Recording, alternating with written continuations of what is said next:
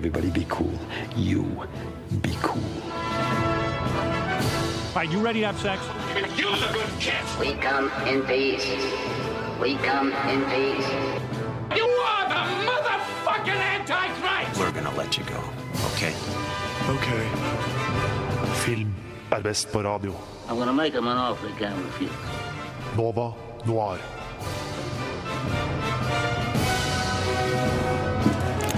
Hei og god morgen. Eh, det, du hører på Radio Nova og ditt favorittfilmprogram Nova Noir. Og du, i dag så er det bare to stykker på sending. Eh, det er nemlig meg, Ina Sletten, og Alexander Helstenius. Hallo, hallo, hallo! Og Alexander er også på spaken i dag. For første gang i Ja, mitt liv. så og vi er på forhånd sier vi beklager for eh, eventuelle tekniske problemer som kan oppstå.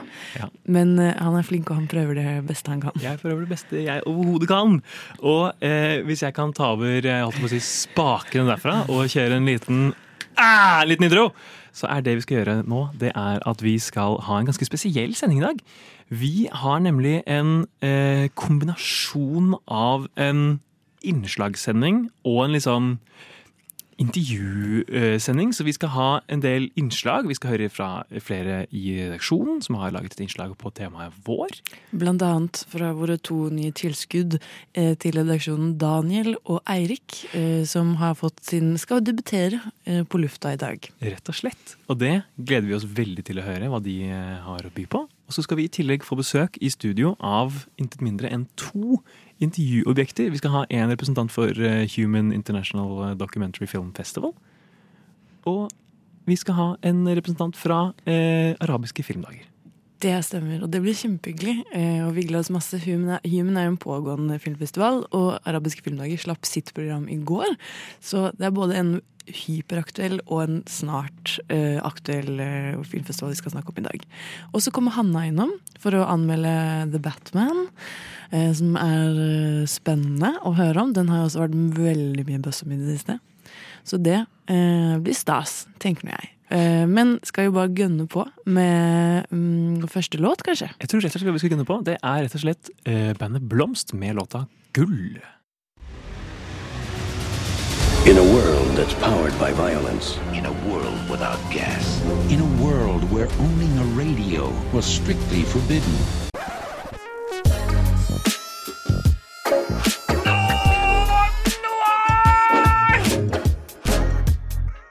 Og der hørte du eh, Gull av Blomst, og vi er tilbake. Eh, Nova Noir skal som alltid da eh, snakke om musikk på en torsdag eh, klokka ti. Men eh, vi elsker jo, før vi skal snakke med andre om hva de liker med film, så skal vi snakke om oss selv og hva vi liker med film. Fordi hva er det du har sett siden sist, Alexander? Nei, eh, jeg tenkte litt på hva jeg skulle snakke om her på Sett siden sist, stikket vårt. Og vi har jo vært inne og sett Ascension, denne Oscar-nominerte Oscar dokumentarfilmen som eh, vises på eh, Human for tiden. Men jeg er enig med at vi kommer til å snakke mer om den når vi har besøk av han fra Human.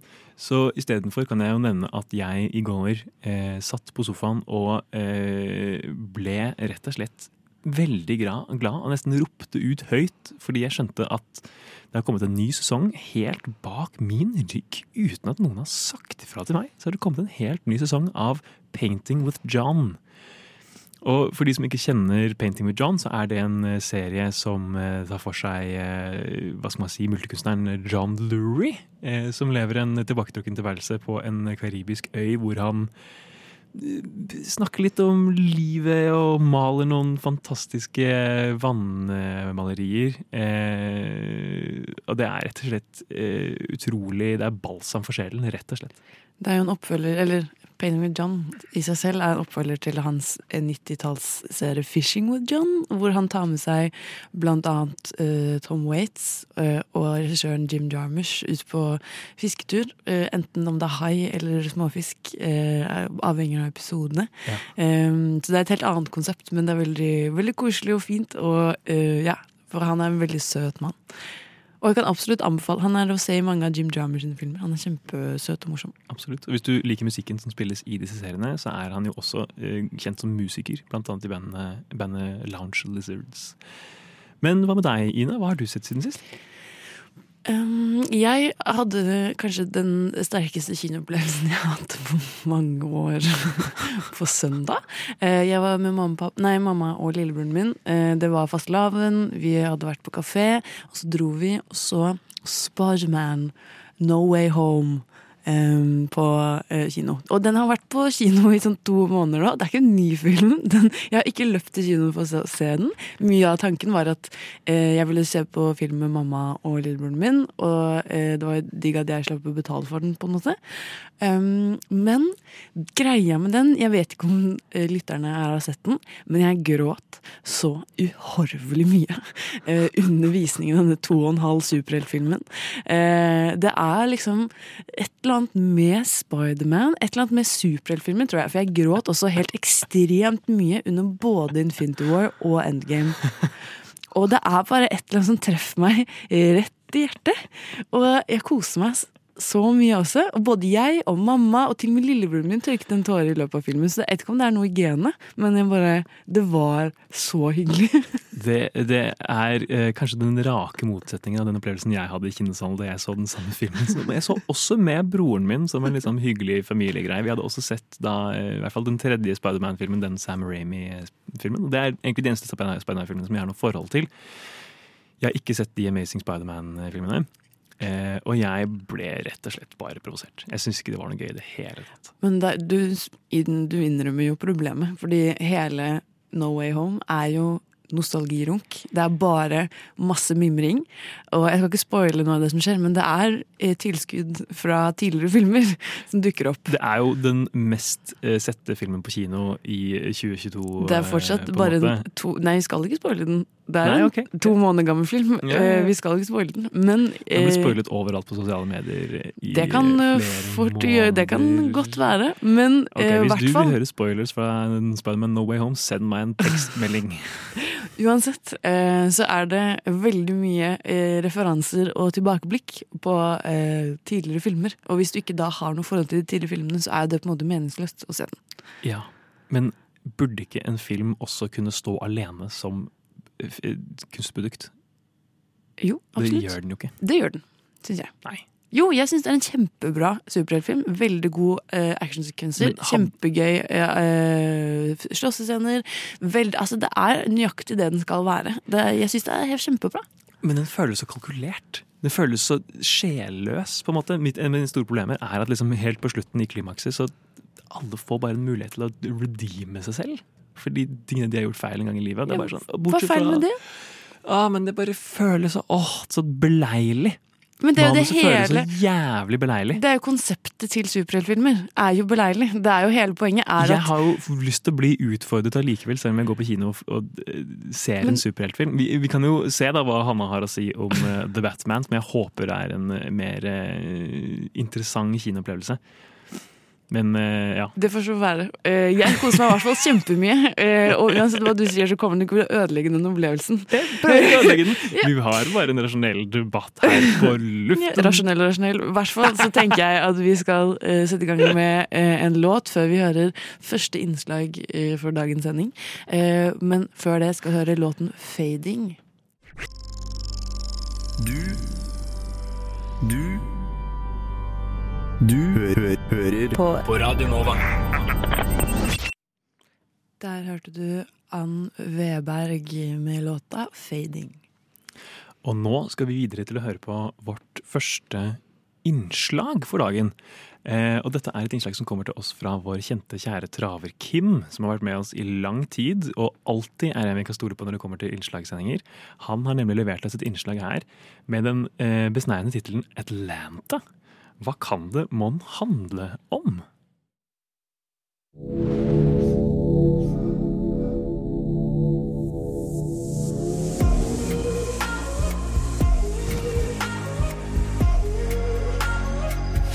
This isn't about rap. If we do this right, your kids can live good. My kids can live good. Darius's kids. I can't have kids. I'm sure I'll find out why when the time's right. When is an appropriate time to talk about my balls getting smashed? Right now, apparently. Åh, shit! Endelig, endelig. Etter årevis har snakket årevis med venting. Så er endelig sesong tre av Atlanta her. Den er på vei denne våren. Og endelig kan jeg flytte mitt innramma-bilde av Donald Glover fra nattbordet mitt til et mindre patetisk sted, som f.eks. peishylla mi. How would you know you were alive unless you knew you could die?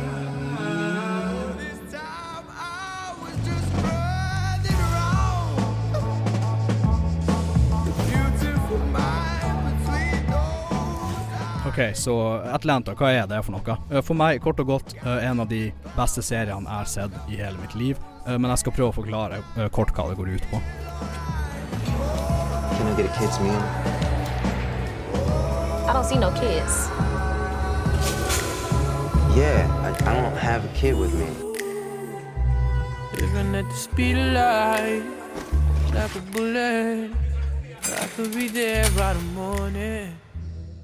Earn, som spilles av Donald Glover, har droppa ut av Harvard og flytta tilbake til Atlanta. Eh, Han er en nybakt far i et av-og-på-forhold med barnets mor, og han trenger penger desperat. Han får vite at hans doplangende fetter Alfred har starta en rappkarriere som det har begynt å hviskes om i byen. Han er litt sånn up and coming. Eh, Earn drar da til Alfred, hvor han også møter hans mildt sagt tåkete romkamerat Darius, for å overbevise Alfred om å gjøre Earn til manageren hans. Eh, Og videre går handlinga ut på at trekløveret prøver å navigere seg gjennom musikkindustrien, eh, og alt som hører til, samtidig som de bare prøver å holde hodene sine over vann.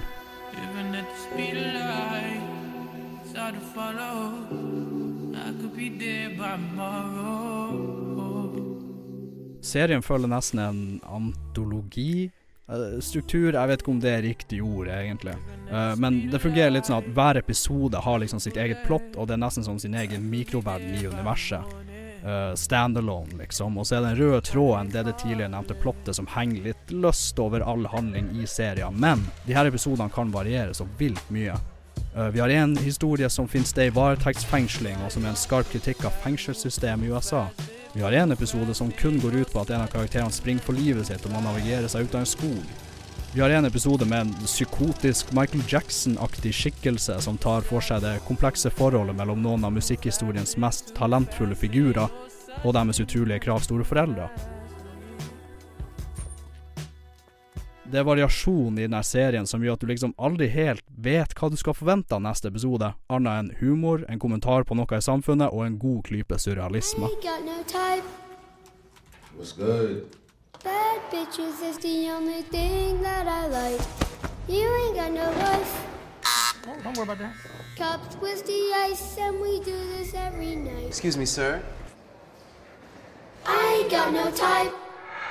Bad bitches is the only thing that I like. Yeah. You ain't got no life. What up? Eh, apropos surrealisme, så er ikke akkurat serien gjennomvåt av det i den grad at det liksom ikke er realistisk i det hele tatt. Det er mer det at Ørn og gjengen hans sin ferd uh, gjenspeiler ting i samfunnet, som rasisme, desperasjon, systematiske feller og penger på en sånn måte at det nesten føles uvirkelig når du ser serien. Men samtidig så er alt så åpenbart med rota i virkeligheten at du ikke helt vet om du skal le, cringe eller gråte.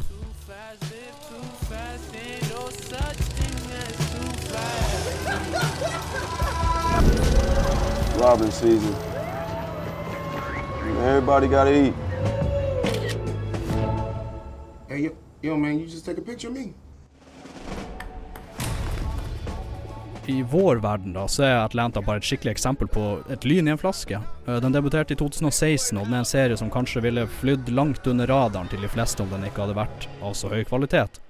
Eh, Og det igjen kommer jo naturligvis i stor grad av talentnivået til dem som har vært med på lag i serien. Eh, Og suksessen som mange av dem har oppnådd etter at Atlanta debuterte, syns jeg snakker for seg sjøl. Donald Glover er som sagt i hovedrollen. Han var jo allerede da et stort navn, men han har siden gått over til å både spille i Star Wars og Løvenes konge. Brian Tyree Henry, som siden har vært med i både Joker og Marvel-filmer, spiller Alfred. LaKeith Stanfield, som har vært i annet Uncut Gems, Knives Out, eh, og som ble Oscar-nominert for rolla si i Judas and the Black Messiah, spiller Darius. Det er altså for det meste nokså kjente skuespillere som bare på noen år etter 2016 har gått fra Atlanta-piloten til å være med i blockbustere og til å bli Oscar-kandidater. Eh, Og da nevner jeg ikke engang resten av casten eh, og skribentene heller, med Donald sin bror Steven i spissen, som alltid sørger for å holde et unikt preg og et skarpt manus for hver eneste episode av serien. After this, is the racism over? With our new initiative, we believe racism will be done by 2024.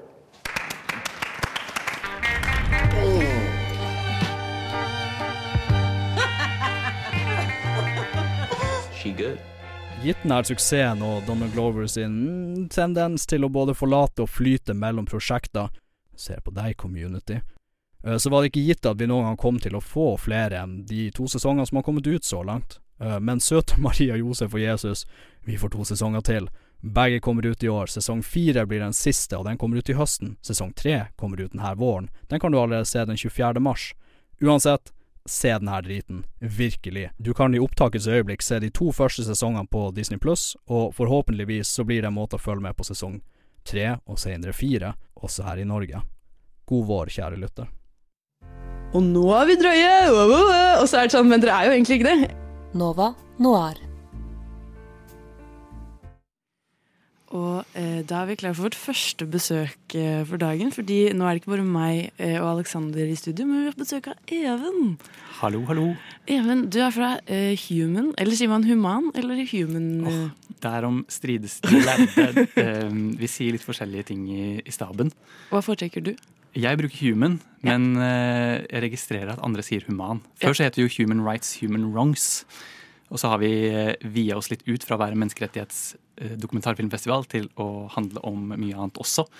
Så eh, jeg tror man kan velge fritt, rett og slett. Vi sier human da, bare for å holde det Human International Documentary Film Festival. Det er en munnfull. Det er en munnfull. Ja, det er mye å si.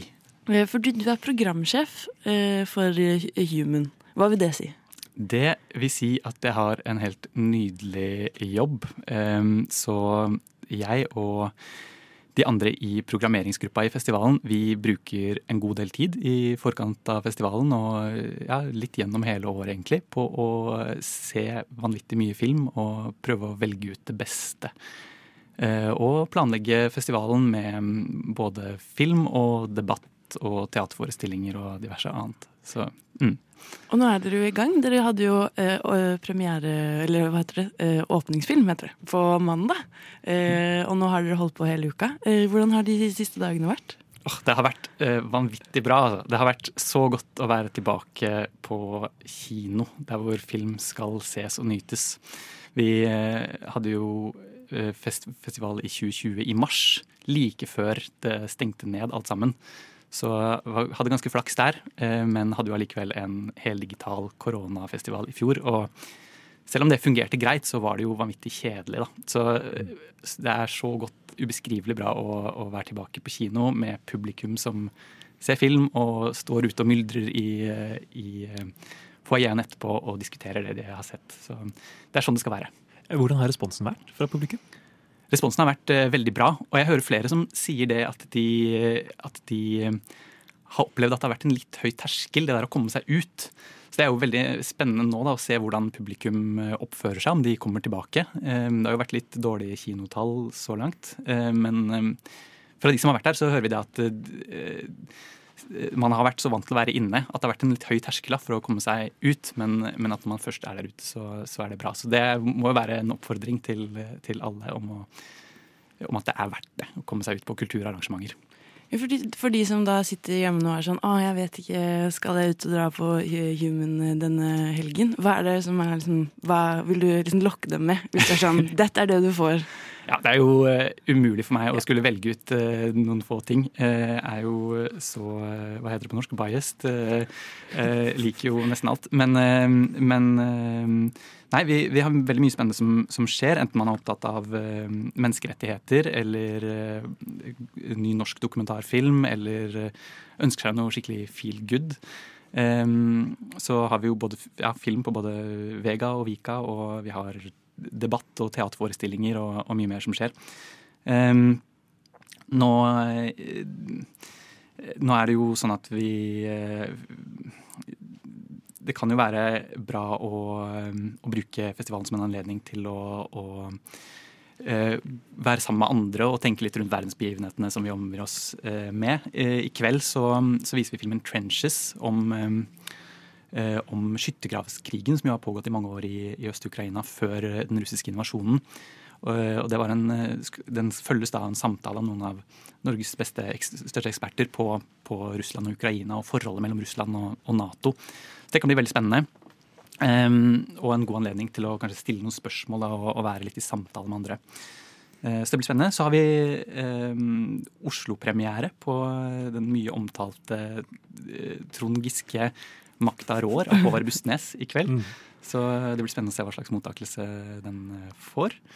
Um, og masse som skjer gjennom helga. Så kult. Vi var jo eh, i Tromsø eh, tidligere i år. Eh, og det er akkurat som den du sier, det, eh, den følelsen av å kunne mingle etter kinoene eh, er så utrolig viktig. Eh, og det eh, savna vi også i Tromsø, fordi det ble så eh, ja, redusert, eh, rett og slett. Og det, det er jo det Human Dere viser jo filmer som får folk til å prate. Eh, så det er kjemperart hvis man ikke skulle liksom bli sittende igjen etterpå. Vi var jo så Ascension, på, eh, som var åpningsfilmen, på, på mandag. Og da blir man jo høre, det er så deilig å høre alle rundt deg gå rundt og være sånn Ja, hva syns du da? Og så er det sånn, Nei, jeg vet det sånn, det, blir, det er en helt annen stemning, da. Men hva er det du eh, Hva er liksom din Jeg vet nå sa du det, det er jo mange barn her, og du vil ikke velge en favoritt, på en måte. Um, men eh, er, hva er det du skal se eh, denne helgen, som du liksom har halt en knapp på, på en måte? Ja, altså um, Hun har jobbet mye med menneskerettighetsprogrammet vårt og det norske konkurranseprogrammet. Mye jeg gleder meg til å se der. Annet eh, premieren på, um, på Gunhild Westhagens Mag Magnors eh, film 'Store små mennesker' eh, nå i morgen eh, fredag. eh, om eh, eh, rett og slett altså to barnehagebarn og deres eh, et, et år eh, av livet deres i, i, i barnehagen, og hvordan man former vennskap og, og, og på en måte blir et menneske, da, eh, hvis man kan si det.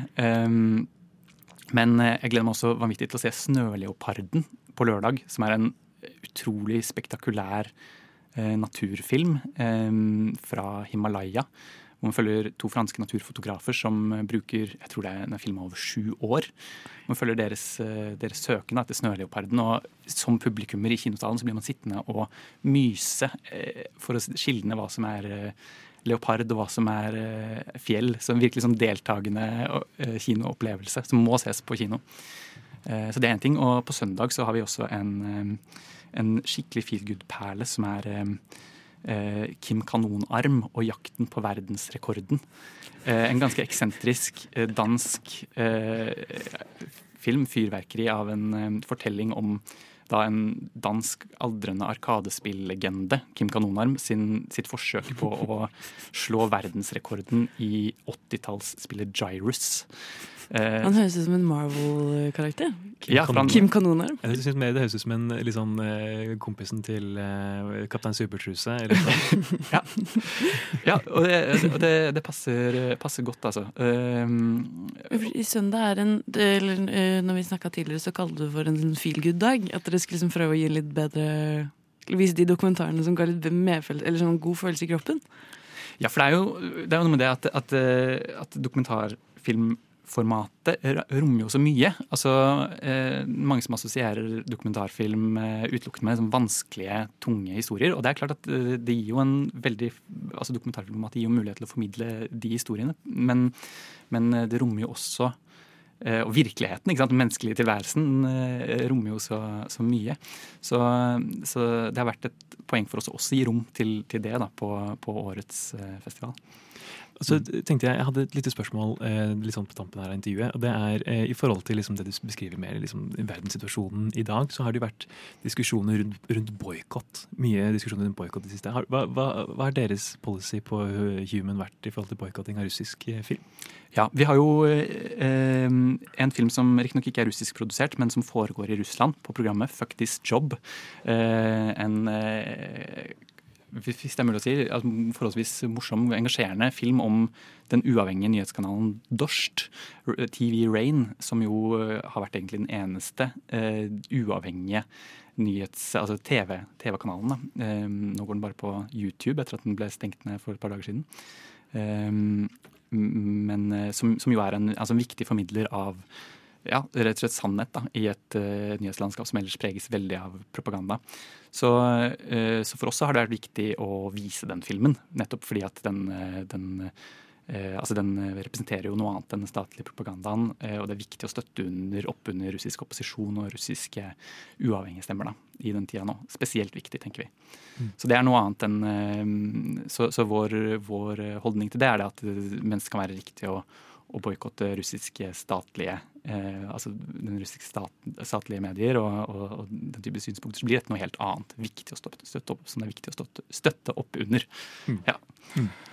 Ja, men eh, så spennende, og eh, veldig kult at eh, det blir gjennomført. Eh, og jeg håper at eh, jeg skal få se flere filmer denne helgen. Både 'Nattbarn' og eh, 'Sommerbarna', som jeg gleder meg masse til. Og jeg har også veldig lyst til å se den Kim Kanonarm som går rett etterpå. Så jeg tror det blir kjempespennende. Og det er som du sier veldig kult at man retter fokuset på både hva alt dokumentarfilm kan være og er. så tusen takk for at du kunne komme på besøk, Even. Takk for meg. Eh, og så håper jeg at dere har en fortsatt vellykket eh, festival. Eh, og så håper jeg at ja, du fortsetter i mange mange år fremover. Takk for det. All right, da skal vi høre en låt, eh, nemlig 'Hele natta lang'.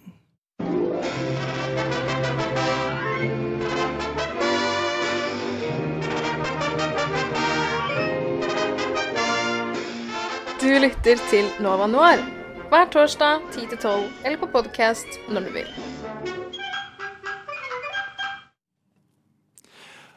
Og nå skal vi altså gå videre til å høre dagens andre innslag. Vi har rett og slett det første av to innslag fra våre nye, kjære medlemmer. Daniel kommer du til å høre nå eh, med et lite innslag om Gudfaren. Gudfaren hadde premiere den 14. mars 1972 og feirer i år sitt 50-årsjubileum. I denne anledning tenkte jeg det ville være gøy å ta en kjapp tur innom historien bak denne klassikeren, og litt hva som skjedde rundt produksjonen av filmen. Paramount har jo også produsert en serie som heter The Offer, som tar for seg produsenten Albert S. Ruddys perspektiv på å få denne filmen langt, og begynner nå å streame i april. Gudfaren tar jo for seg historien om mafioso Vito Corleone og hans familie i New York på 1940-tallet. Når hans yngste sønn Michael kommer hjem fra krigen, begynner jo nye farer å true familien.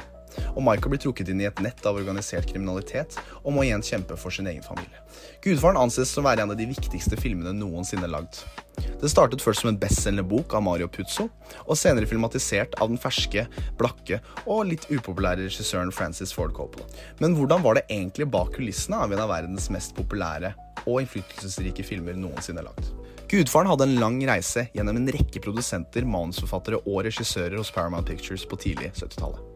Man skulle tro at bokas suksess ville trekke en rekke store navn til prosjektet, men lignende mafiafortellinger hadde floppet og mottatt dårlig kritikk i fortiden. Paramounts svar var å hyre inn en mann de hadde jobbet med før, men som de ikke egentlig hadde sånn kjempevillig troa på. En som de følte de kunne kaste under bussen hvis eh, filmen f.eks. skulle tjene lite penger, eller en som de kunne dytte i hvilken som helst retning de ville. Inn entrer Francis Ford Coppola. Et navn som nesten utelukkende er assosiert med filmmediet i dag. Men på den tiden hadde han nettopp født sitt tredje barn, og var nærmest helt, helt, helt blakk. Coppola var først ikke interessert i Gudfaren. Ettersom en stor episk fortelling om makt og intrige ikke helt passet han.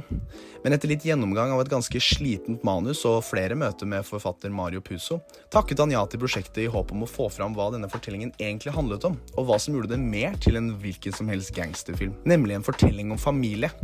En fortelling som åpner med de uforglemmelige ordene I believe in America. Coppola beskriver det å jobbe på Gudfaren som et mareritt og en forferdelig opplevelse. Mye av dette kom nok av at gjennom hele prosessen av produksjonen var det flere forsøk på å få han sparket. Francis ville filme hele filmen i New York, som var altfor dyrt ifølge studioet. Han ville sette filmen på 40-tallet, slik boka var, noe studio syntes var urelevant. Han sto bak castingen av Marlon Brando og Al Pacino, noe studio var helt imot pga. deres mangel på stjernekraft og rykter om at de var vanskelig å jobbe med. Kreative uenigheter i manus og produksjonen førte til en rekke nestensparkinger for Francis. Så hvorfor fikk han aldri sparken, egentlig? Svaret for meg er den uforglemmelige rollebesetningen, og ikke minst Francis selv, som holdt seg så kompromissløs gjennom hele produksjonen av filmen. Resultatet ble en gangsterfilm som fokuserte mer på familie og forhold, ga et autentisk blikk inn i italiensk-amerikanske tradisjoner som ikke hadde noe med Cosa Nostra å gjøre, men noe som var fra Francis' bakgrunn selv. Og det var pakket inn i en utrolig detaljrik gjengivelse av etterkrigstiden i USA. Gudfaren for meg var filmen hvor Marlon Brando hadde bomullsdotter i kinnene og strøk en katt ved et skrivebord. Det var filmen som hadde one-liner som I, I'm gonna make him an offer he can't refuse. Uh, leave the gun, take the cannolis. Det er en film som det virker som alle vet om, til og med når de ikke har sett den. Det var liksom kjent som en kul film, den episke mafiafortellingen. Alt dette er den jo. Men når jeg satte på denne filmen for første gang, og jeg ble kastet inn i dette her spektakulære sicilianske bryllupet, så visste jeg ikke helt hva jeg skulle tro. Jeg trodde jeg skulle se på en kul, skummel gangsterfilm, men ender opp med å nesten ikke ville forlate dette bryllupet, som er fullt av sang og dans og mat og familiemedlemmer. Jeg tror det er det som er det utrolige med Gudfaren for meg. Disse små, isolerte scenene som er med på å bygge atmosfære i denne verden.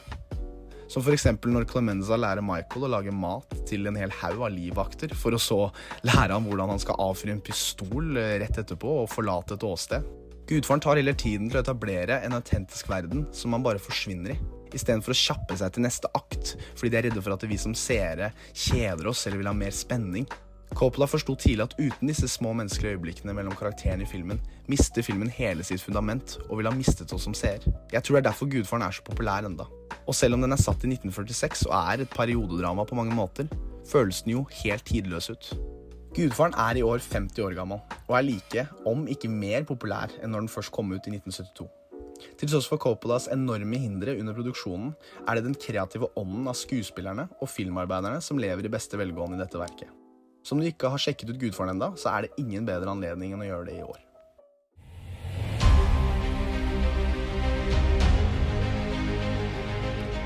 En radio.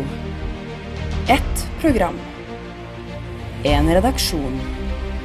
For filmelskere. Nova Noir. På radio Nova.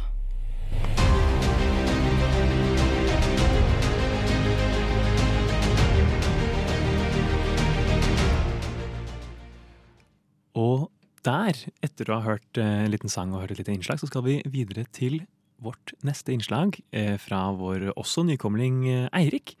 Han har laget et lite stykke film, eller lydmagi her, som jeg tror også handler om gudfaren. Jeg skal nå forklare hvorfor Gudfaren part 3 er mye bedre enn de to første. Nei da, men nå hører du i hvert fall på, så da hopper jeg rett på sak, jeg. Jeg gleder meg altså så mye til påske. Litt pga. masse godteri, enda litt mer pga. ferie, men desidert mest pga. at det er tid igjen for å gjennomføre min fantastiske filmtradisjon. Så nå er det bare å feste sikkerhetssela, fordi nå er det din tur til å få en ny filmtradisjon, enten om det er med dine venner, familie, kjæreste, nabo, lærer, psykolog eller hva pokker det måtte være. Filmtradisjon skal det nok bli uansett. Jeg var en tur i Hafjell i forrige uke for å stå på ski, som man gjør når man er i Hafjell, naturligvis. Eller snowboard, da, men ja. Jeg satt i heisen når en kompis sa Ah, gleder meg til påsk. Sitte i solsteika i Hafjell med en kanelbolle i hånda og en dose kakao i koppen. Og jo da, kanelboller og kakao ute i sola er helt nydelig, men har du prøvd kanelboller, kakao og La La Land? Det er kos på et helt nytt nivå.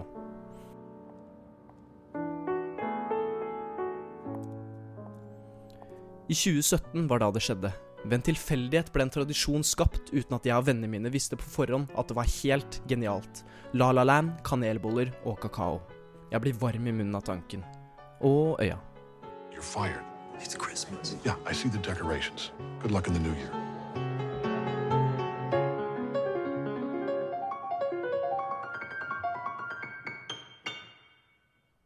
Jeg sto på kjøkkenet hjemme og lagde noen kanelboller og kakao, som jeg pleier å gjøre en gang iblant, da jeg plutselig fikk en melding fra en av vennene mine. Vi skulle ikke sett uh, La La Land i dag. Jeg kjente jo godt til La La Land fra før, filmen som vant Oscar for beste film, i ca. tre minutter. Den måtte jo ses. Jeg sa selvsagt ja, og vi samla en god gjeng i kjellerstua mi for å se den. Jeg hadde jo lagd kanelboller og kakao fra før, så jeg serverte dem uvitende om at komboen ville være helt fantastisk. I ettertid ser jeg tilbake på dette som en av de lykkeligste 129 minuttene i hele mitt liv. Når jeg la meg den kvelden, fikk jeg ikke sove. Jeg lå bare med en klump i magen og funderte over filmen. En klump bygd opp av eufori, målesett og altfor mange kanelboller på to timer. Denne gode gjengen jeg så filmen med, er mine beste venner. Nå bor vi dessverre ikke alle i samme by lenger, men hver gang vi møtes, ser vi La La Land i den lille kjellerstua mi på Lillehammer. Men før filmen starter, står selvfølgelig alle fem gutta på kjøkkenet og lager kanelboller sammen og setter kakaoen på kok. Deretter setter vi oss ned og kjører ritualet vårt, La La Land med kanelboller og kakao. Pretty strange that we keep running into each other. Maybe it means something. I doubt it. Yeah, I don't think so. You could just write your own rules, you know, write something that's as interesting as you are. What are you gonna do? I have my own club. Dette har vi gjort mange, mange ganger, og neste gang er i påsken. Så da kan det tenkes hvor mye jeg gleder meg. Det er vanskelig å sette helt ord på hvorfor denne kombinasjonen er helt gull, men jeg skal prøve å beskrive hvorfor. La La Land er som en varm klem som alltid er der for deg når du trenger det. Kanelboller og kakao har absolutt en ganske lik effekt som dette, vil jeg si. En varm klem som oppmuntrer deg både når det trengs og ikke trengs. Så disse to sammen blir jo da automatisk en euforisk dynamitt som sprenger bort alt det vonde. En dynamitt som kan sammenlignes med de som tok ned Berlinmuren for telling i 1989. Som man skjønner, er La La Land en film som står meg svært nært. Så når den ikke vant Best Picture likevel, står jeg der med bolla i hånda og kakao i postkassa. Ikke noe vondt om Moonlight, den er nydelig den også. Men det er ikke en film som egner seg godt med en varm kanelbolle i hånda og kakao i godkoppen. How are you going to be a revolutionary if you're such a traditionalist? You're holding on to the past, but jazz is about the future. Dette har jeg nemlig prøvd. Ikke bare med Moonlight, men med flere andre filmer også. Yes, you are. Maybe I'm not. It's like a pipe dream. This is the dream. It's conflict and it's compromise. It's very, very exciting. Men det er altså ingen andre som kan sammenligne seg med La La Land på den fronten. Det er muligens litt vanskelig å forstå med ord. Det er rett og slett noe som bare må oppleves. Så nå kommer jeg endelig til poenget mitt. Se La La Land med kanelboller og kakao. Påskeferien er et perfekt utgangspunkt til å få en kveld du aldri vil glemme, og skape en ny filmtradisjon for deg og dine. Så ja, det var min preken for i dag. Takk meg senere. Adios.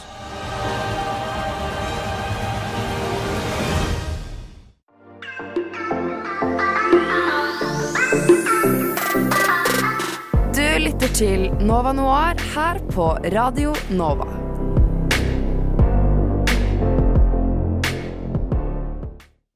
Og da eh, er vi tilbake. Eh, og nå har vi nok en gjest på, på besøk. Eh, nå er det ikke lenger Human Festival, men nemlig arabiske filmdager som har kommet på besøk. Hei, Atle. Hei. Og du er jo gammel nover. Ja, det, det stemmer. Skummakultur. Men nå har du kommet hit for å snakke om eh, arabiske filmdager, for dere slapp programmet deres i går. Det gjorde vi. Så nå ligger alt ute på arabiskefilmdager.no. Alle arrangementer, alle filmer og alt annet innhold. Ja, fordi Hvor mange filmer er det snakk om i år? Eh, I dag er det 19 filmer til sammen. Ja. Eh, nesten 50-50 dokumentar og fiksjon. Fordi når, Nå er det jo eh, en pågående festival, men dere begynner om to uker. Ja. Onsdag eh, den 16. Ja. Hva er det, hva er det vi kan eh, glede oss til eh, når det kommer til eh, festivalen i år? Ja, det er, det er mye å glede seg til. Jeg syns jo selv at programmet har blitt, blitt veldig bra. Og jeg kan jo jeg kan kanskje bare nevne en film som er litt sånn som, som gjennomsyrer programmet ditt, og som jeg liker veldig godt, som heter Costa Brava Lebanon. Som er Libanons Oscar-kandidat. Ja. Eh, som er et veldig, det er et veldig sånn fint eh, familiedrama. Eh, men den også, det handler om en familie som reiser fra Beirut pga. Uh, liksom støyen og uh, forurensninga osv. Uh, for liksom, bakteppet er at Libanon har slitt med en søppelkrise i mange år som det ikke, ikke fins noen løsning på. Eh, eller det skal man se, da. For vi har jo også en panelsamtale om, som heter nettopp eh, 'Finnes det en løsning på søppelkrisen i Libanon?'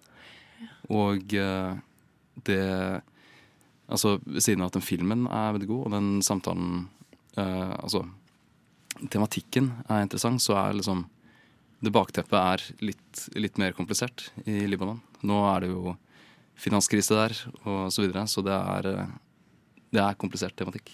Er det, er det en fiksjonsfilm eller en uh, dokumentar? Det er en fiksjonsfilm.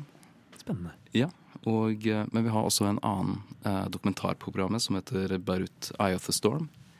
Som også handler om eh, Libanon litt, litt innenfra. Om unge aktivister eh, som, ja, som blir påvirka av pandemien midt oppi opptøyene. Og eh, jeg trekker frem de to fordi eh, jeg føler at de sammen gir liksom et, et, et veldig fint sånn helhetlig bilde av hva som foregår i Libanon nå. Og så vil jeg gjerne nevne at eh, regissøren og produsenten av Costa Brava Lebanon er eh, gjester på festivalen. Og deltar også i den panelsamtalen.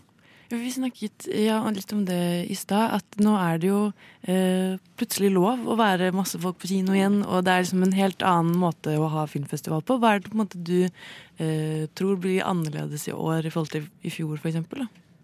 Eh, ja, i fjor så var det Så fikk vi gjennomført festivalen, men uh, det var digitalt. Så det var i bunn og grunn bare en strømmetjeneste som, som ble aktivt brukt, men det er jo ikke det, jo ikke det samme eh, som å liksom møte publikum i sal og kunne se disse filmene på stort lerret og eh, kunne, kunne arrangere liksom, ja, samtaler eh, med altså Samtaler og debatter hvor, hvor publikum kan være liksom en aktiv deltaker i det. Og eh, så er det et poeng at uh, de fleste av disse filmene vil jo ikke komme på ordinær kino i Norge. Så dette, dette er en veldig sjelden mulighet til å se dem på stort lerret. Hvor, hvor de helst burde ses. Ja, Det er et kjempegodt poeng. At, uh, det er jo derfor det er så bra at man har de eh, litt mindre eller sånn nisjefestivalene. Fordi det er altfor dårlig representasjon på uh, de store kinoene, da, uh, man kan si det sånn, med filmer fra andre steder enn en Hollywood, på en måte. Men har du liksom en favoritt som du enten gleder deg til, eller som du um, har liksom ja, lagra i, kalenderen? Ja, altså vi har, vi har noen litt sånn litt lystigere filmer enn en det, som jeg tenker som jeg i utgangspunktet ville Altså åpningsfilmen og avslutningsfilmen eh, syns jeg folk eh, burde sjekke ut. De er begge veldig tilgjengelige og, og gode og artige å se. Men det er en film som, som gjorde veldig inntrykk på meg, og som jeg, som jeg vil oppfordre alle til å se, som heter eh, Little Palestine, eh, Diary of a Siege. Som Den handler om uh, Jarmouk-leiren i, eh, i eh, Syria. En palestinsk flyktningleir, en veldig stor flyktningleir, som ble lagt under beleiring av eh, syriske styrker i eh, 2011. Og regissøren eh, han er eh, vokst opp og, Han er født og vokst, oppvokst i leiren. Og eh, han begynner på et tidspunkt å liksom, dokumentere eh, hverdagen i leiren. Og det gjør han over flere år. Og eh, det er bare et veldig, veldig fascinerende innblikk i liksom, en situasjon og et samfunn som ikke, ikke man ser ellers. Og den har noen scener som er eh, bare veldig, veldig rystende og rørende.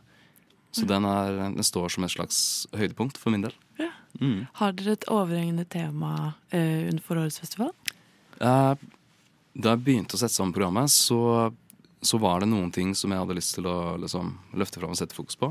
Men eh, det viser eh, Ja, jeg kjente etter hvert at jeg hadde ikke lyst til å tvinge det fram. Men eh, det er to filmer som har et eh, slags miljøfokus som vi hadde Som vi hele, hele, hele veien har liksom tenkt å løfte opp. da. Og Det ene er Costa Brava Lebanon.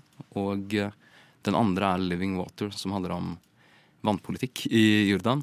Det høres ut som et tørt, tørt tema, bokstavelig talt. Men det er også der skal vi ha en panelsamtale om liksom vannmangel i den arabiske verden. Og det er en ganske kritisk eh, situasjon i mange land. eh, som jeg er veldig glad for at vi kan, kan liksom kaste lys over. Da. Men ja, eh, utover det så Det jeg kjente etter hvert, eh, var at eh, jeg ville heller bare samle de beste filmene fremfor å liksom velge ut noe for å, for å tvinge fram et tema. Men eh, ja, det er ikke først Eller man kan få en smakebit av arabiske filmdager før eh, festivalen begynner. For det er jo noe greier i morgen eh, også, hvis jeg ikke husker feil. Det stemmer. Første gang siden, eh, ja, siden 2020, det var det siste som skjedde før pandemien eh, slo inn, var at eh, at vi hadde liksom den tradisjonsrike arabiske festen på Vippa, som, som er da det som skjer i morgen. Og eh, det er på Vippa, det er gratis inngang, og eh, vi viser en film, Arab Blues, en veldig fin komedie fra Tunisia. Og i eh, den tunisiske ambassaden har stilt med sin, sin mesterkokk, som skal ha et, eh, et matshow og dele ut mat. Og det blir konsert med Atlas Band, som har spilt, spilt på disse festene i alle år. Og de, de lager fest, kort og godt. Så det, det blir en ekte arabisk fest igjen for første gang på, på en god stund. Så det, det vil jeg oppfordre alle til, alle til å komme på. Så kult. Kjempe Jeg gleder meg masse. Eh, et veldig spennende program. Og eh, nå er det bare altså sånn eh, Jeg vet at folk syns det er vanskelig å komme seg opp av, av sofaen og gå ut og dra på kino, men det er jo så bra at vi har eh, sånne type arrangementer som bidrar til at eh, det sakte, men sikkert er mer og mer eh, trygt. Eh, så jeg setter veldig stor pris på den jobben dere gjør. Eh, og tusen takk for at du kom på besøk, Atle. Tusen takk for at jeg fikk komme. Ja, eh, og lykke til med festivalen. Tusen takk. Da skal vi høre eh, 'Siste gang' av Verdensrommet.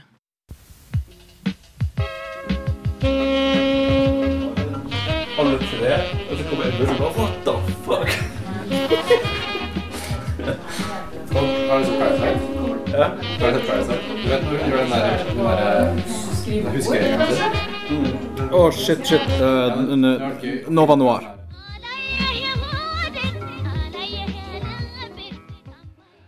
All right, all right, all right. Vi skal videre, og vi skal nå eh, høre et innslag av Lars. Lars har vært inne og sett den kinoaktuelle filmen Licorice Pizza. Eh, og han har rett og slett laget et lite innslag av sin anmeldelse, som vi skal høre nå, og jeg er veldig spent. Snurr. Det har nå gått fem år siden sist Paul Thomas Anderson lagde film, altså Phantom Tread i 2017. Nå i 2022 har han endelig kommet ut med en ny film, Licorice Pizza. It's a god awful small affair to the girl with the mousy hair. I met the girl I'm gonna marry one day. But her mommy is yelling no, and her daddy has told her to go. Listen, young lady. But her friend is nowhere to be seen. So how'd you become such a hotshot actor? Walks through her I'm a showman. That's what I'm meant to do. to the seats with the clearest view. Then she's hooked to the silver screen. Do you know who I am? Yeah. Do you know uh, who my girlfriend is? Barbara Streisand?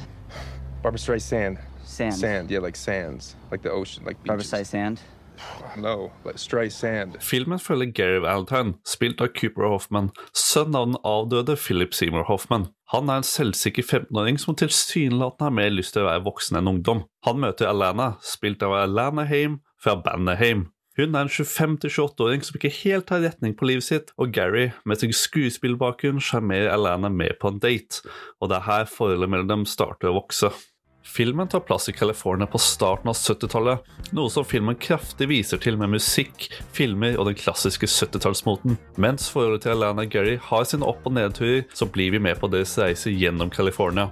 Hvor de møter flere kjente fjes som Sean Penn, Tom Waits og Bradley Cooper, som enten spiller ekte folk eller figurer basert på ekte folk.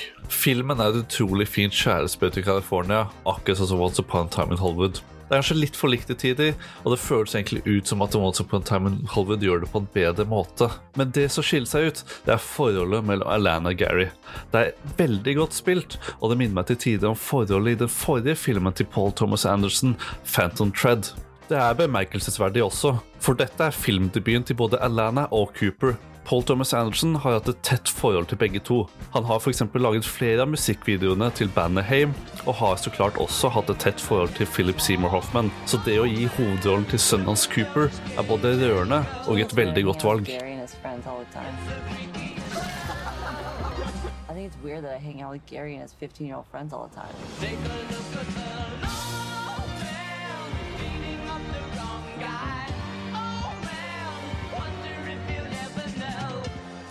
Forget you.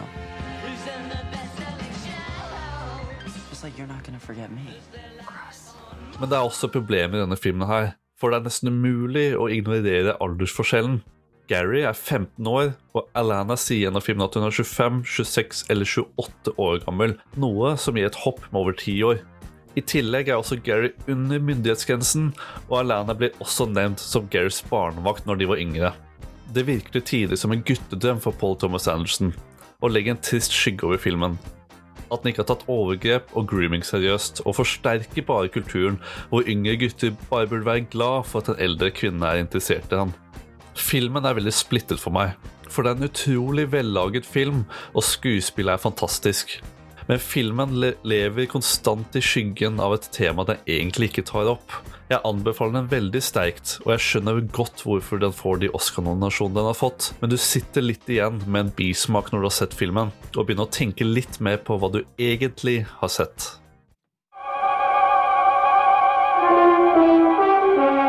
Du hører på Nova Noir. Hey, who do you think you are, anyway? Answer me, or I destroy you!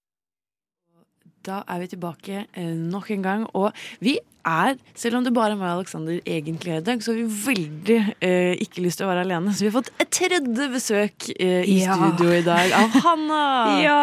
Fordi Åh. Hanna har vært sett på film. Jeg har sett på film. Jeg har vært og sett den nye Batman-filmen. Um, og det, det gjorde meg godt, fordi jeg var ikke så veldig fan av uh, Batman til Ben Affleck.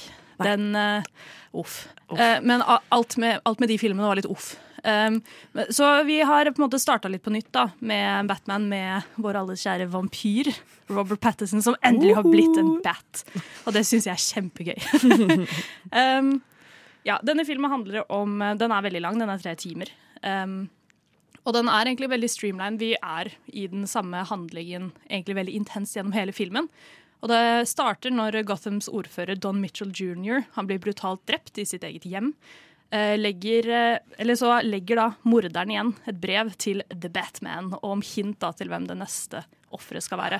Og Hvis du er god Batman-fan, så har du kanskje allerede med det skjønt hvilken skurk det er snakk om. Eh, Men dette leder da Bruce Wayne, eller The Vampire, Robert Pattison, ut på en intens jakt for å avdekke Gothams korrupte politiske ledere før de også blir drept. I'm vengeance.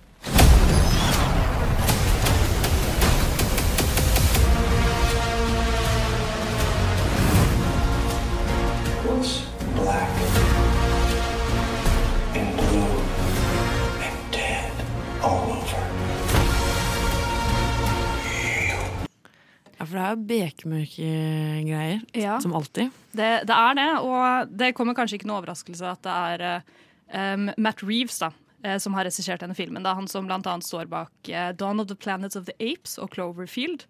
Um, så det, det, det blir liksom mørkt med en gang. Han er jo veldig glad i de mer dystre noir-trekkene i filmen, og denne filmen er veldig, veldig preget av en sånn veldig noir, eh, litt sånn buddycup-type stemning.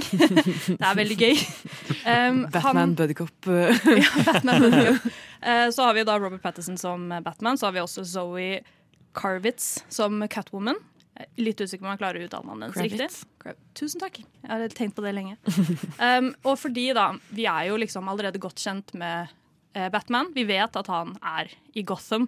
Vi vet også hvem Alfred er, og vi vet hvem Catwoman er. Og det som er veldig deilig med denne filmen, er at Matt Reeves kaster ikke bort en halvtime av livet ditt på å fortelle deg hvem alle disse menneskene er. For det vet vi.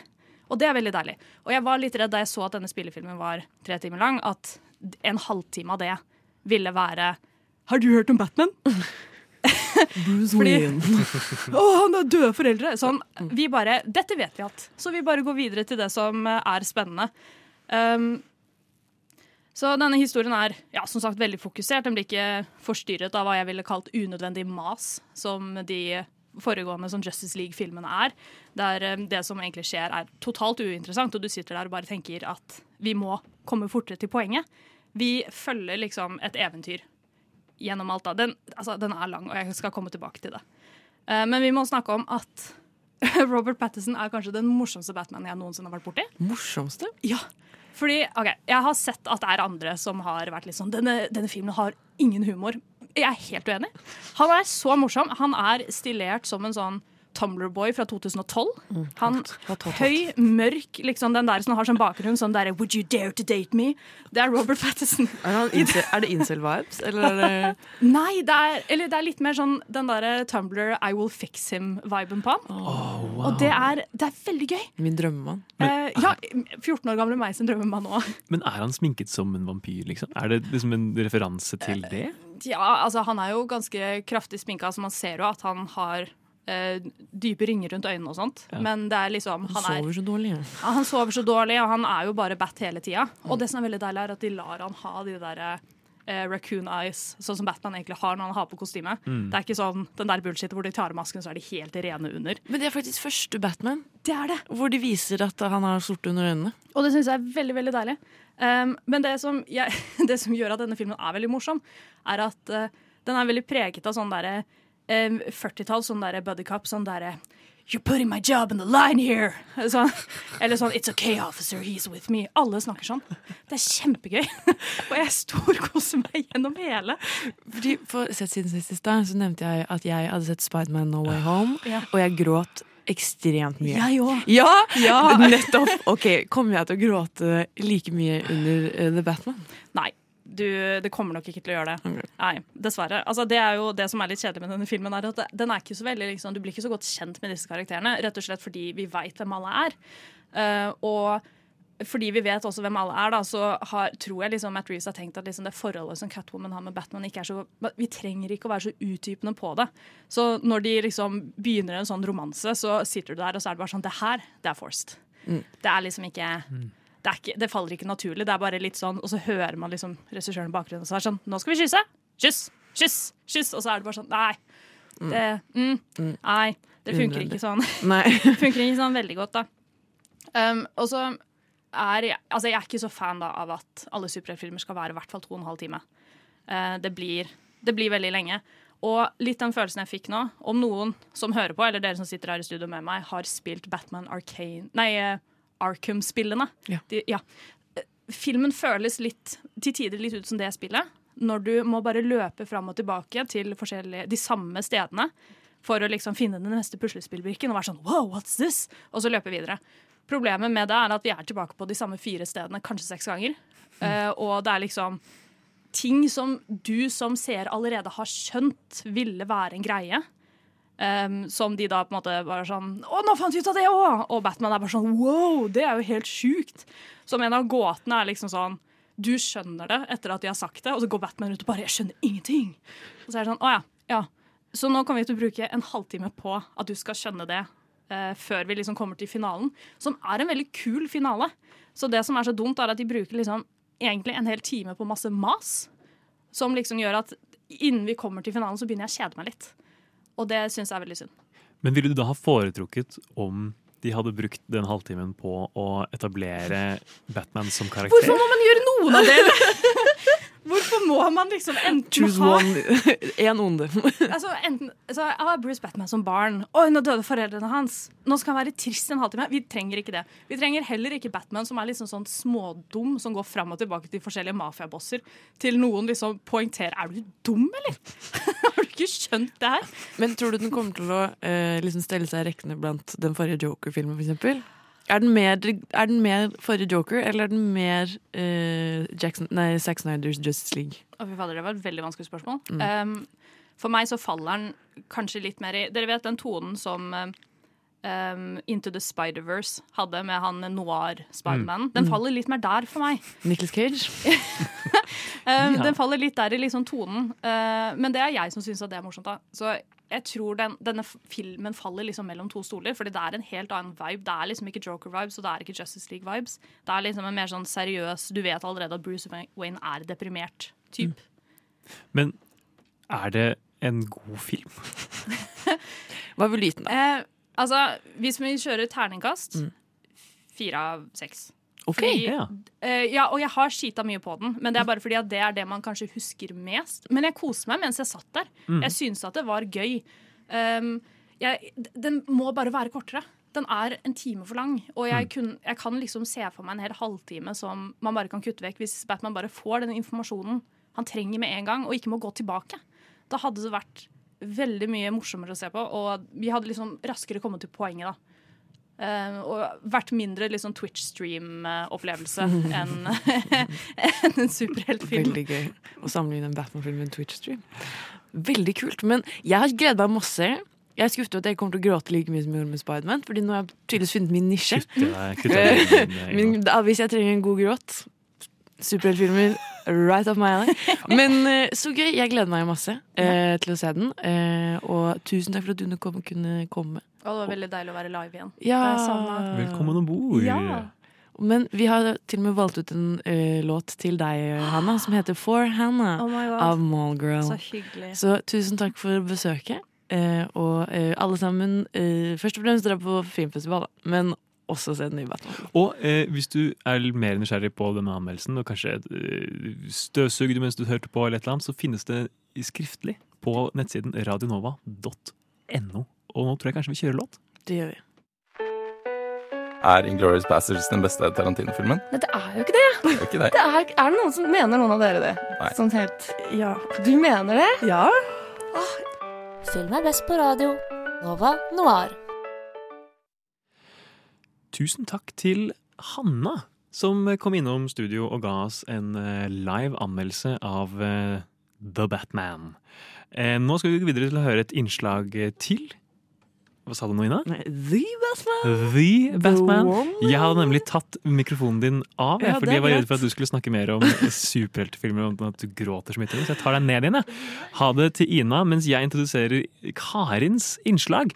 Karin har nemlig laget et innslag. Hun har vært inne på kino, hun også, og sett en ganske spesiell film. Kanskje en film for spesielt interesserte, til og med. Studio 666 heter den, og nå skal vi høre hva Karin syns om det.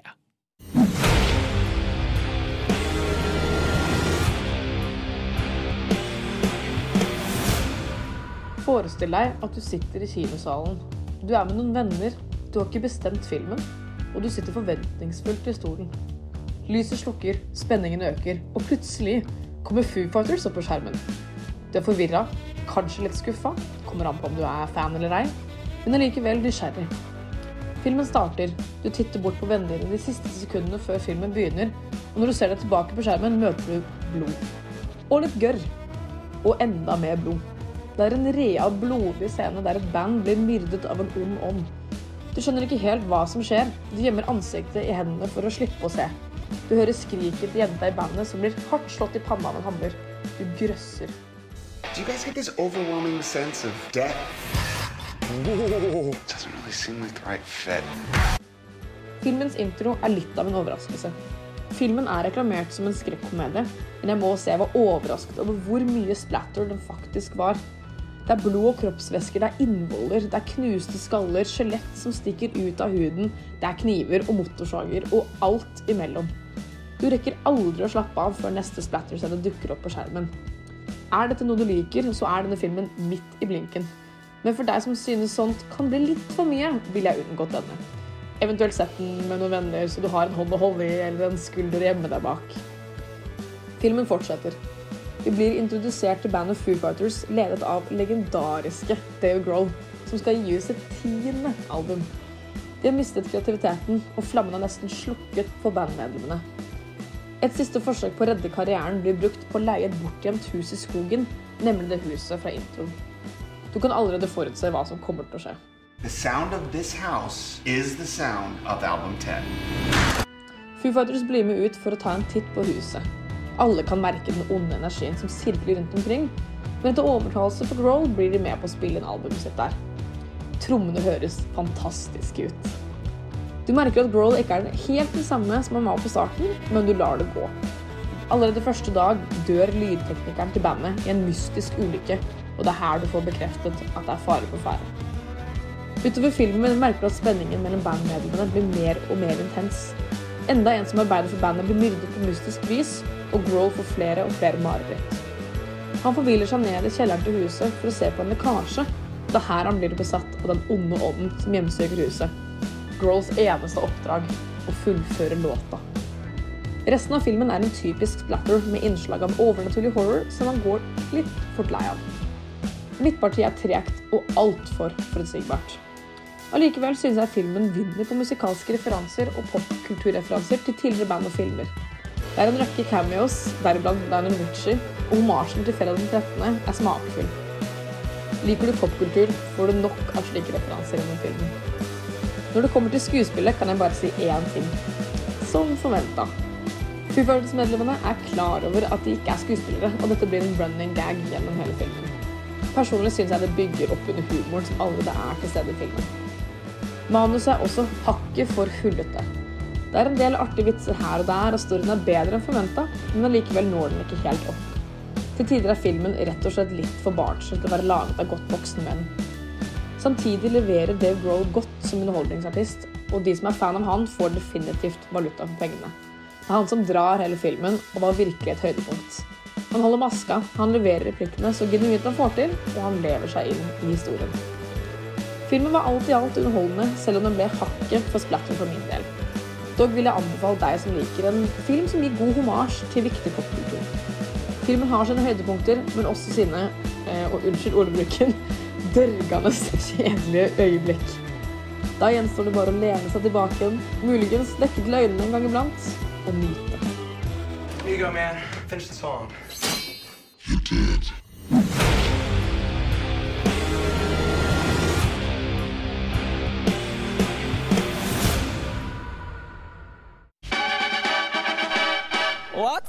Radio Nova. Og nå er vi snart ved veis ende, Alexander. Vi har ett innslag igjen uh, på tapeten. Det har vi, eh, og det er eh, et innslag for ingen ringere enn Oda Krüger, som jeg aldri har interessert navnet hennes som før. Eh, Dette innslaget Aldri igjen, kommer Nei, kanskje aldri igjen, eller det var ikke så vellykket. Men man må jo prøve seg på nytt. Eh, Det må man jo gjøre, selv om man er live på Det radio. har jo du gjort i dag, som tekniker. Jeg har prøvd meg som tekniker i dag. Hvordan syns du det har gått? Eh, Vi kan spare av. Vi kan spare okay, okay. Eh, nei, for nå skal vi nemlig høre et innslag fra Oda. Eh, Oda sendte meg en eh, fire minutter lang, fire og et halvt minutt, fem minutter lang rant i går på melding. Eh, for jeg spurte om hun ikke skulle lage et lite innslag, og så sa hun jeg kan bare ta opp en rant. Og så eh, gjorde hun det, sendte den til meg, og så har jeg rett og slett bare kødda litt rundt med den, lagt på noe musikk og noe cues og noe greier, så får vi se hvordan ditt det ble. Vi har samarbeidet, da, på en måte. Hun har tatt opp eh, Du har remixet hennes eh, Jeg har rett og slett remixet hennes innslag. en ko et coverinnslag. Et slags coverinnslag? Ja, ikke helt cover, Nei. for det er jo fortsatt hun som synger. Ikke synger, men snakker. Ok, eh, Nok uh, tulpereik fra oss. Uh, Snurrinnslag.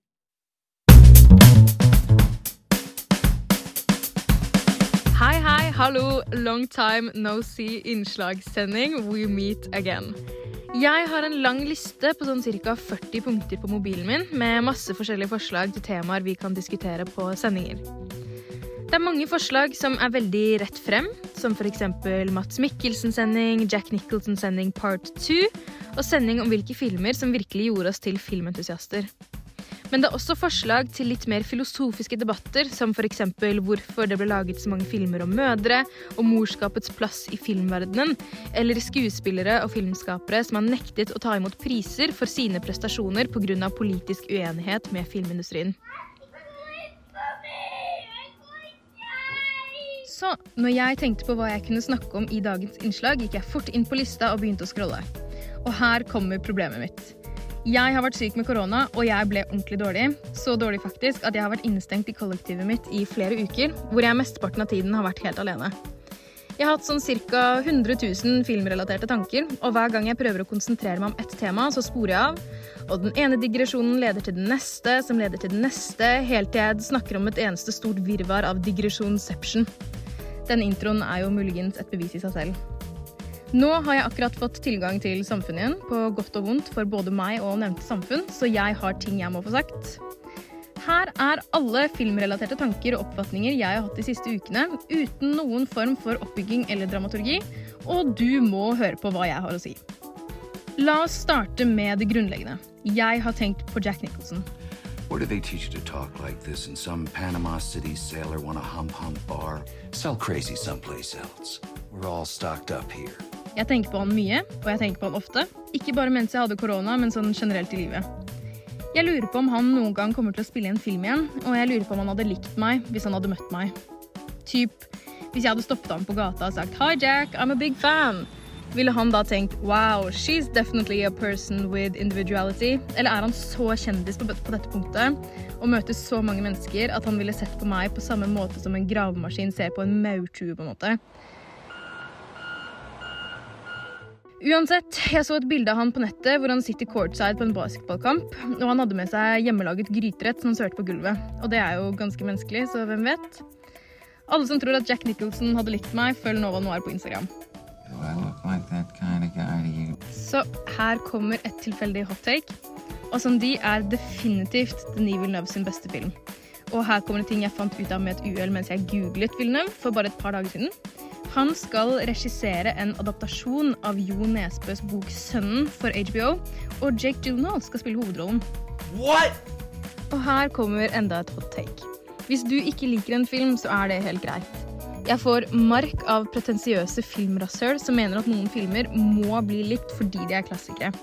Du må ikke like Lawrence of Arabia og Citizen Kane for å like film. Målet med film er at det skal få deg til å føle noe. Det skal gi deg noe. Hvis det gir deg nada nix nisj, så kan du ikke tvinge hjernen din til å nyte det. Det er ekkelt, og jeg hater det. Ladies and gentlemen, I don't know what you'll think about Mr. Kane. Den neste tingen jeg har tenkt på, er hvorfor klassikere blir klassikere, og hvordan det påvirker måten vi konsumerer film og andre medier på. Jeg leste en interessant greie på nettet som hadde blitt skrevet om fortellingen Dr. Jekyll og Mr. Hyde. Historien om Dr. Jekyll og Mr. Hyde var jo banebrytende når den først kom ut, med sånn et thrillerlignende plott med en twist. Men siden denne historien har blitt en klassiker, og selve navnet på historien har blitt et begrep i dagligdags samtale, kan vi ikke lenger se stykket eller filmen på samme måte. Twisten er jo ikke lenger en twist, det har blitt selve utgangspunktet. Så jeg lurer på om dette også har skjedd med andre klassikere, og om vi på en måte noen gang kan faktisk forstå og oppfatte det slik som det originale publikummet oppfattet dem da de kom ut. Her tenker jeg jo på f.eks. banebrytende verk fra Tarkovskij eller Kubrick, siden vi ser på film på en helt annen måte nå enn det vi noen gang har gjort før.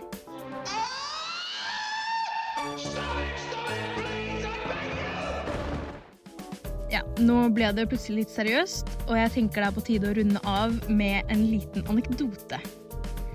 Jeg har en lillesøster som blir tolv i år. Hun elsker film og serier og har sett alt av Euphoria, selv om jeg personlig syns at hun er litt for ung. Vi diskuterte de forskjellige karakterene, og jeg prøvde å skyte inn litt nyanse etter at hun sa til meg at Rue er mye bedre enn Jules. Jeg sa at avhengighet er vanskelig, og at man ikke er seg selv. Og etter at jeg hadde prøvd å forklare det på en måte som jeg tenkte ville gi mening for henne, så svarte hun meg veldig enkelt. Ja, det kan godt hende, men jeg skjønner ikke alt det der når jeg ser på, fordi jeg er bare 11 år. Og det nivået av selvinnsikt har jeg aldri møtt på i et voksent menneske før. Og det er noe vi alle kan strive etter, tenker jeg. Så med det vil jeg gjerne si takk for meg, og Jack Nicholson, if you're listening, please return my calls. Og der hørte vi legendelåta 'Holde rytmen' av Flammer Dance Band. En sang som du kommer til å høre hver eneste gang jeg er på sending, i hvert fall. Jeg har egentlig sagt det, men jeg kan si det en gang til. Radio Nova. På, DAB og nettradio. På radionova.no. Jeg har egentlig sagt det, men jeg kan si det en gang til. Radio Nova. Og da er klokka ti på tolv. Det er Nova Noir som snart takker for seg. Og da er det jo eh, jeg, Ina Sletten og Alexander Helstenius som Yippee-ki-yay. har holdt roret i dag. Det har vært veldig gøy, da. Vi har snakket eh, litt for lite. Vi har, vi har snakket ganske lite, Ja. Um, for vi har jo hørt ganske mye fra både våre gjester og fra våre medlemmer som har laget innslag til Mm. dagens sending. Jeg syns det har vært eh, en, et spennende format. Jeg, jeg syns det har fungert veldig godt.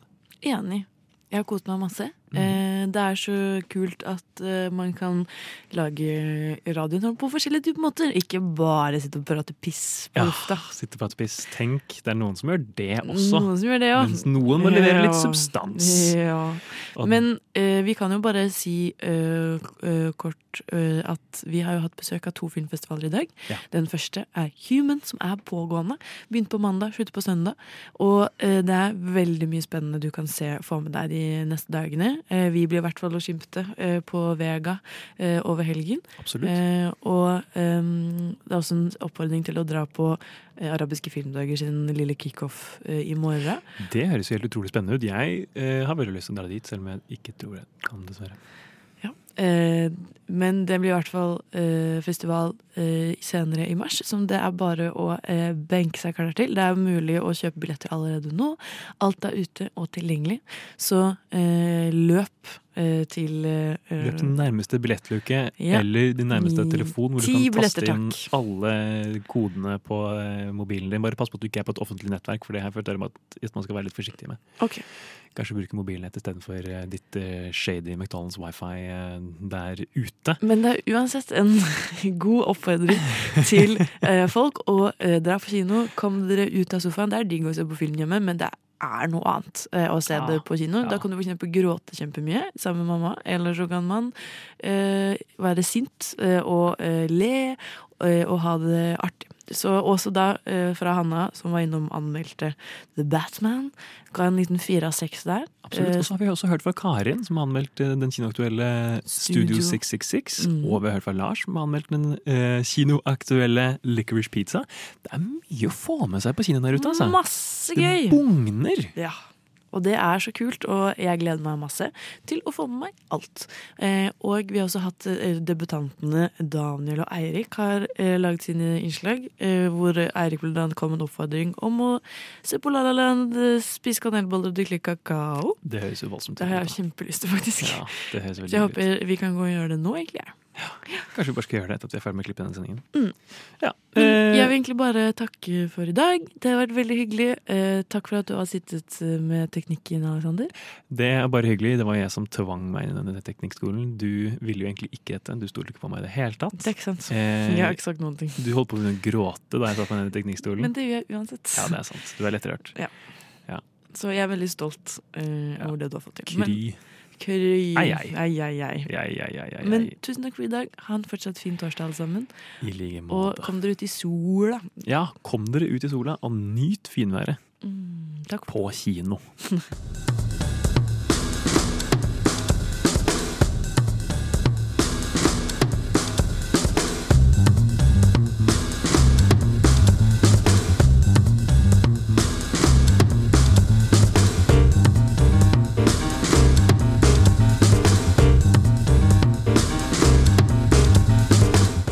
lytter til Nova Noir hver torsdag 10-12 eller på podkast når du vil.